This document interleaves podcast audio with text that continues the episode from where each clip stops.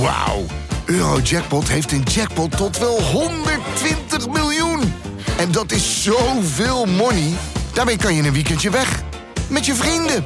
In space. Koop je lot in de winkel of op eurojackpot.nl. Eurojackpot. Een spel van Nederlandse Loterij. Speelbewust 18+. Plus.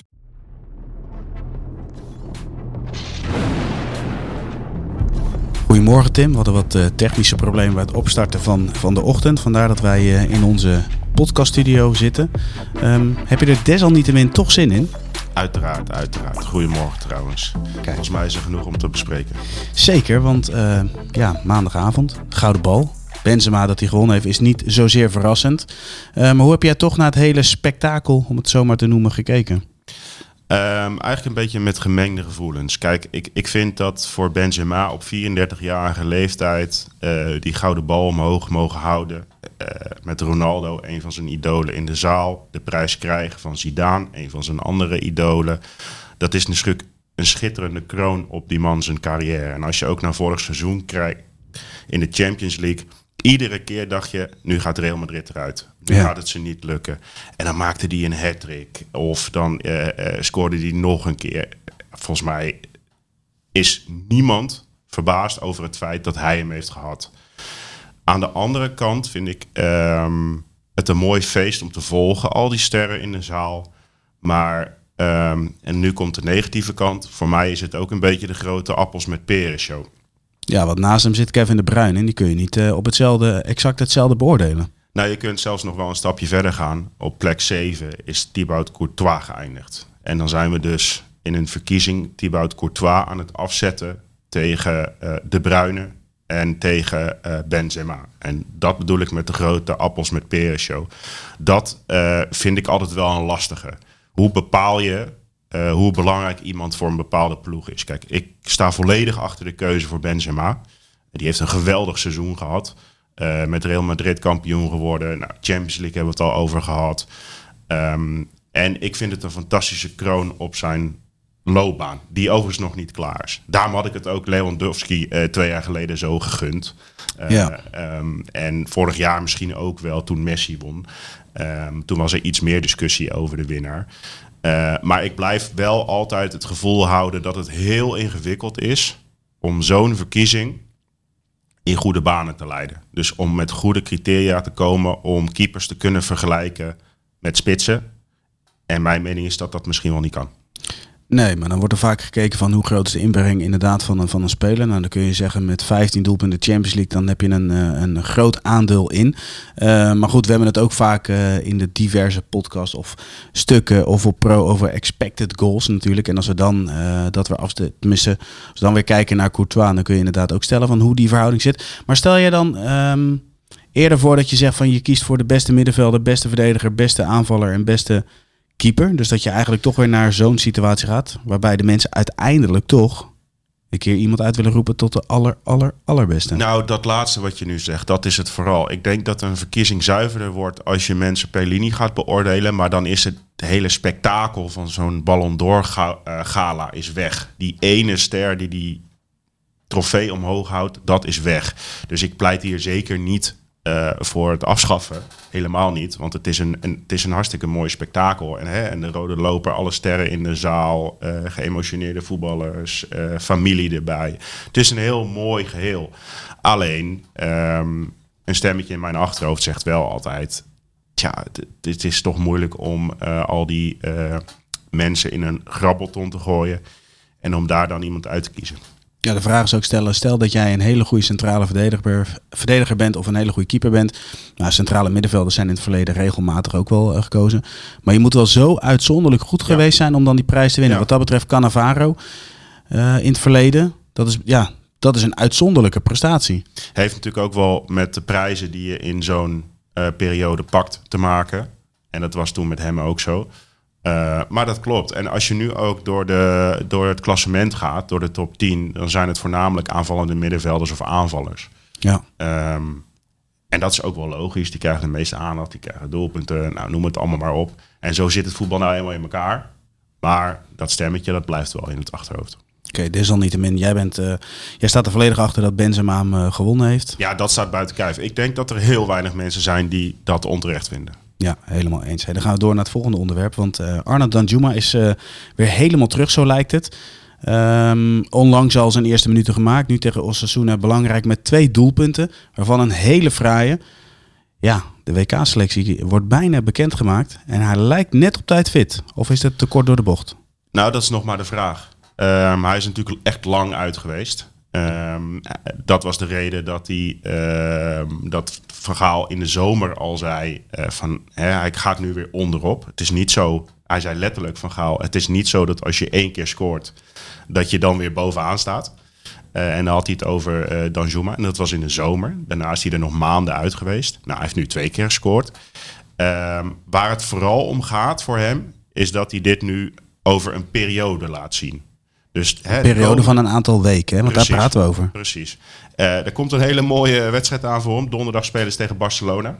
Het zou hem denk ik wel heel erg helpen als hij dan twee keer scoort.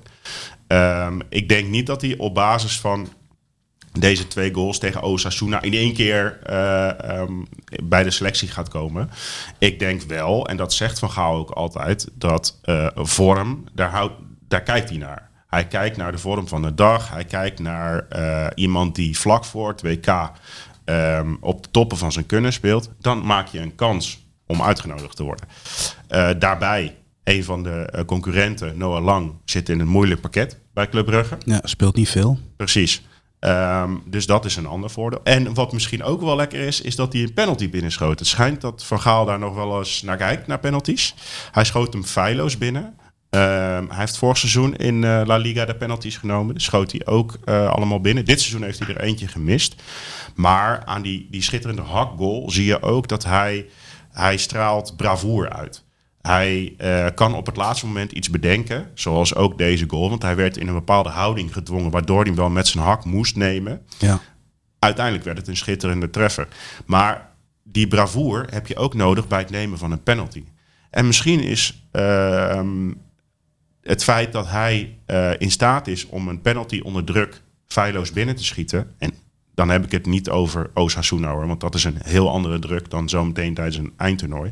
Ja. Het zou best kunnen dat zoiets een plusje uh, kan betekenen als het een 50-50 Maar hoe groot, is, hoe groot is de druk, Tim, als je weet dat de WK-selectie komt eraan? Je bent de hele tijd ben je niet fit geweest. Daarvoor heb je er steeds bij gezeten. En nu moet je toch in korte termijn, of eigenlijk een korte periode, moet je even laten zien dat je er alsnog klaar voor bent. Dat is ook een bepaalde druk, toch? Uh, zeker, dat is een bepaalde druk. Maar dat is nog niks vergeleken bij zometeen uh, op een eindtoernooi aanleggen voor een penalty. Nee, dat, uh, dat ben ik met je eens. In hoeverre speelt het mee? Uh, we hebben het vaker gehad natuurlijk over de verschillende uh, speelformatie. En dat dat Vergaal ook wel eens flexibel wil zijn in zijn formatie. Dan Juma kan ze wel in de spits, kan er net onder spelen, kan op links spelen. Is dat een voordeel? dat is zeker een voordeel. Van Gaal heeft daar eerder natuurlijk wel eens wat over gezegd. Ehm, hij kan op links en in de spits uit de voeten. Um, dus dat is zeker een voordeel. En als je daarin meeneemt dat uh, Van Gaal onlangs Gakpo heel bewust noemde als een optie voor de nummer 10, dan um, ja, ontstaat er wel een geheel met flexibele spelers. Ja. Van Gaal staat er natuurlijk ook onbekend dat hij van een bepaalde formatie nog wel eens terug wil switchen naar een hè, heel duidelijke uh, drie spitsen. Ja, uh, deed hij in 2014 ook. Ja, nou dan is uh, dan Zuma wel iemand die dat heel makkelijk zou kunnen. Dus dat is ook een plusje. En dat zijn misschien factoren die op het moment dat Van Gaal een keuze moet maken, net dat kleine plusje kunnen betekenen waardoor jij boven iemand anders verkozen wordt.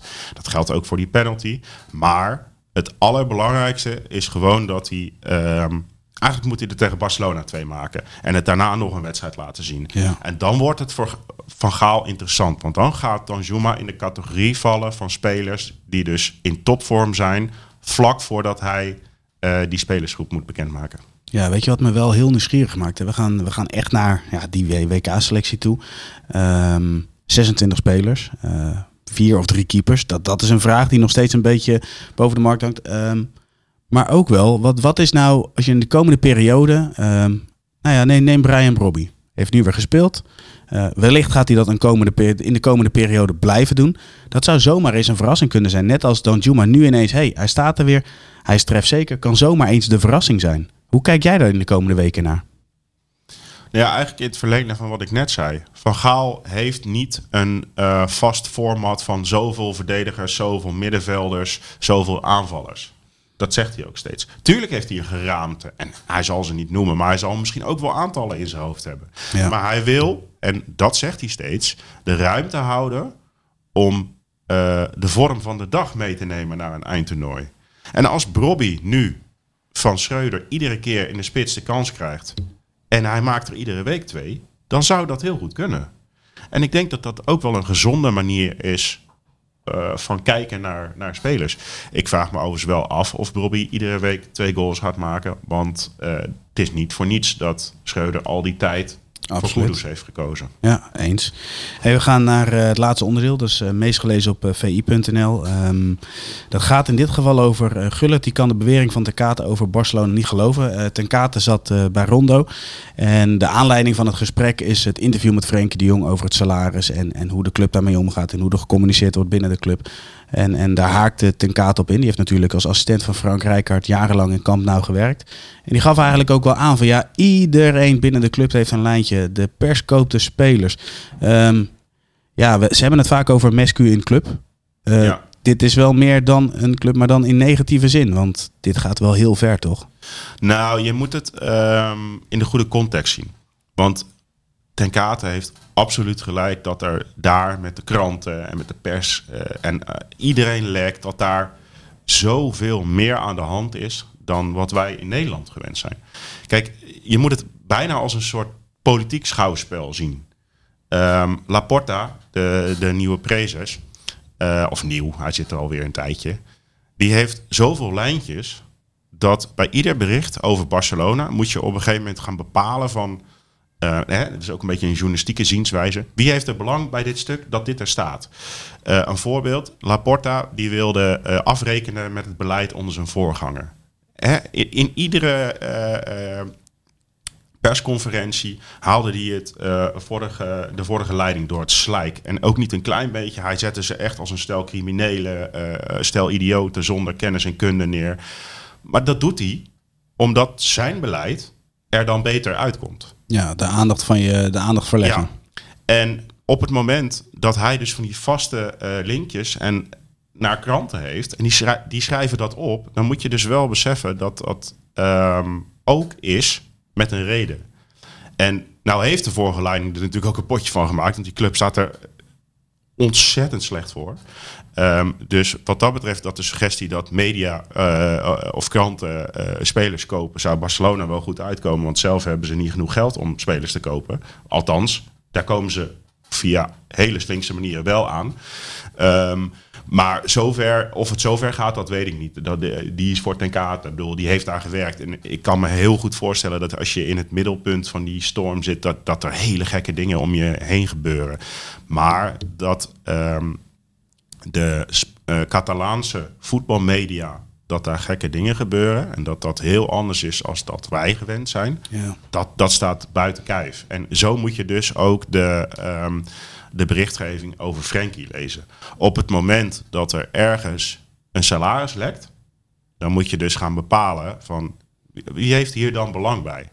En waarschijnlijk is er dan iemand vanuit de club, Laporta, mensen onder Laporta, die um, daar belang bij hebben. Want de club heeft geld nodig. Dus het zou de club goed uitkomen als Frenkie nog maar weer eens een pay-cut uh, accepteert. Ja. Dus zo moet je altijd naar die berichtgeving kijken. En dat is ook een beetje uh, wat doorklinkt uh, uit de woorden van Ten Kate. Hij gaat veel verder. Maar um, dat is wel goed om te weten. Dus je moet er naar kijken met een Spaanse voetbalperceptie. Dat klinkt een beetje gek, maar wij zijn het niet gewend op die manier. Maar zo moet je wel naar die berichtgeving kijken. En dat staat ook nog eens helemaal los van een uh, um, Spaans Catalaans, Madrileense kijken op het voetbal. Want Ja. Madrileense kranten kijken natuurlijk weer heel anders tegen eh, Barcelona uit, aan. En als het daar chaos is, dan, dan zijn die kranten er natuurlijk als de kippen bij om op te schrijven dat het daar chaos is. En ga zo maar verder. Dus het is best wel een hele complexe wereld. En ik kan me heel goed voorstellen dat als jij dus bij die club werkt en je leest alles wat intern besproken wordt, of in de ene of in de andere kant terug, dat je denkt van wat gebeurt hier allemaal? Ja, eens. Een van de, de vragen die dan ook naar boven komen is, is, is moet je dan eh, zo'n situatie vanuit een eenzijdige communicatie, moet je, moet je dat dan accepteren of moet je daarop reageren? Daar, daar kun je natuurlijk, eh Frenkie de Jong heeft natuurlijk lange tijd eh, zijn mond gehouden. En Ja. eigenlijk in het interview zegt hij ook nog niet zo eens zo heel veel. Maar aan tafel daar werd geopperd van ja, moet je niet gewoon openheid van zaken geven, gewoon die Laporta, laat maar zeggen, aanpakken en gewoon met feiten om zijn oren slaan. Ik vind het eigenlijk wel sterk dat hij dat niet iedere keer heeft gedaan. Want het, het is niet één keer, het is niet twee keer. Het is 12, 13, 14, 15 keer. Die pagina's, er moeten hele kranten moeten vol. Dus als je dat iedere keer moet gaan doen, dan haal je jezelf ook wat op de hals. Dan, dan, dan ben je daar steeds mee bezig. Terwijl, ja, Frenkie zal liever willen laten zien dat hij iedere week 90 minuten moet spelen. En die zal daar niet mee bezig zijn. Alleen, ehm, ik denk persoonlijk wel dat het goed is dat hij zich een keer uitspreekt. Want die hele kranten staan vol op een gegeven moment. Alleen het publiek, het Barça-publiek, eh vreet het wel. Kijk, die weten ook wel hoe het een beetje zit daar. Maar je weet hoe dat gaat. Oh, ze lezen wat. Nou, het zal, wel, zal in ieder geval wel een kern van waarheid in Nou zitten. ja, hij heeft toch meegemaakt dat ze op een gegeven moment rondom zijn auto dat ze hem voor geldwolf uitmaakten. Terwijl Ja. hij in principe, ehm, het is heel simpel, een contract wordt ondertekend door twee partijen. Waarbij twee partijen weten wat ze Ja. doen. Waarbij twee partijen de waarde van nou ja, een ondertekend document En- kunnen erkennen. Daarom is het af en toe zo vals wat er bij Barcelona gebeurt. Omdat ehm, hij wordt op een bepaalde manier neergezet. Ja. door vanuit eh, de club bepaalde dingen eh, de kranten, eh, hè, door die kranten een hoek op te sturen. En ja, dan krijg je dat soort dingen. Dus het is best wel een politiek schouwspel. Het is naar, vervelend en het kan ontzettend vervelende gevolgen hebben. Ja, we hebben het eh, tot slot vaak eh, over eh, nou ja, de, de verhalen achter de voetballer. En ook op het moment dat ze klaar zijn, hebben ze een, een boek dat ze uitbrengen over een loopbaan. Ik zou alleen al voorstellen, het, dit jaar van Frenkie de Jong, om dat al in boekvorm uit te brengen. Ik denk dat dat al interessant genoeg is. En Ja. ook dik genoeg. En eh, überhaupt wat er allemaal bij Barcelona is gebeurd de afgelopen maanden, eh, misschien wel jaren. Het, is- ik denk dat je er wel, wel twintig boeken over kan schrijven. Helemaal eens. Tim, dank voor je tijd. En jongens, jullie bedankt voor het luisteren. En morgen zijn we weer terug met een nieuwe VZSM. Waarschijnlijk op beeld en met geluid. Dankjewel. Doei.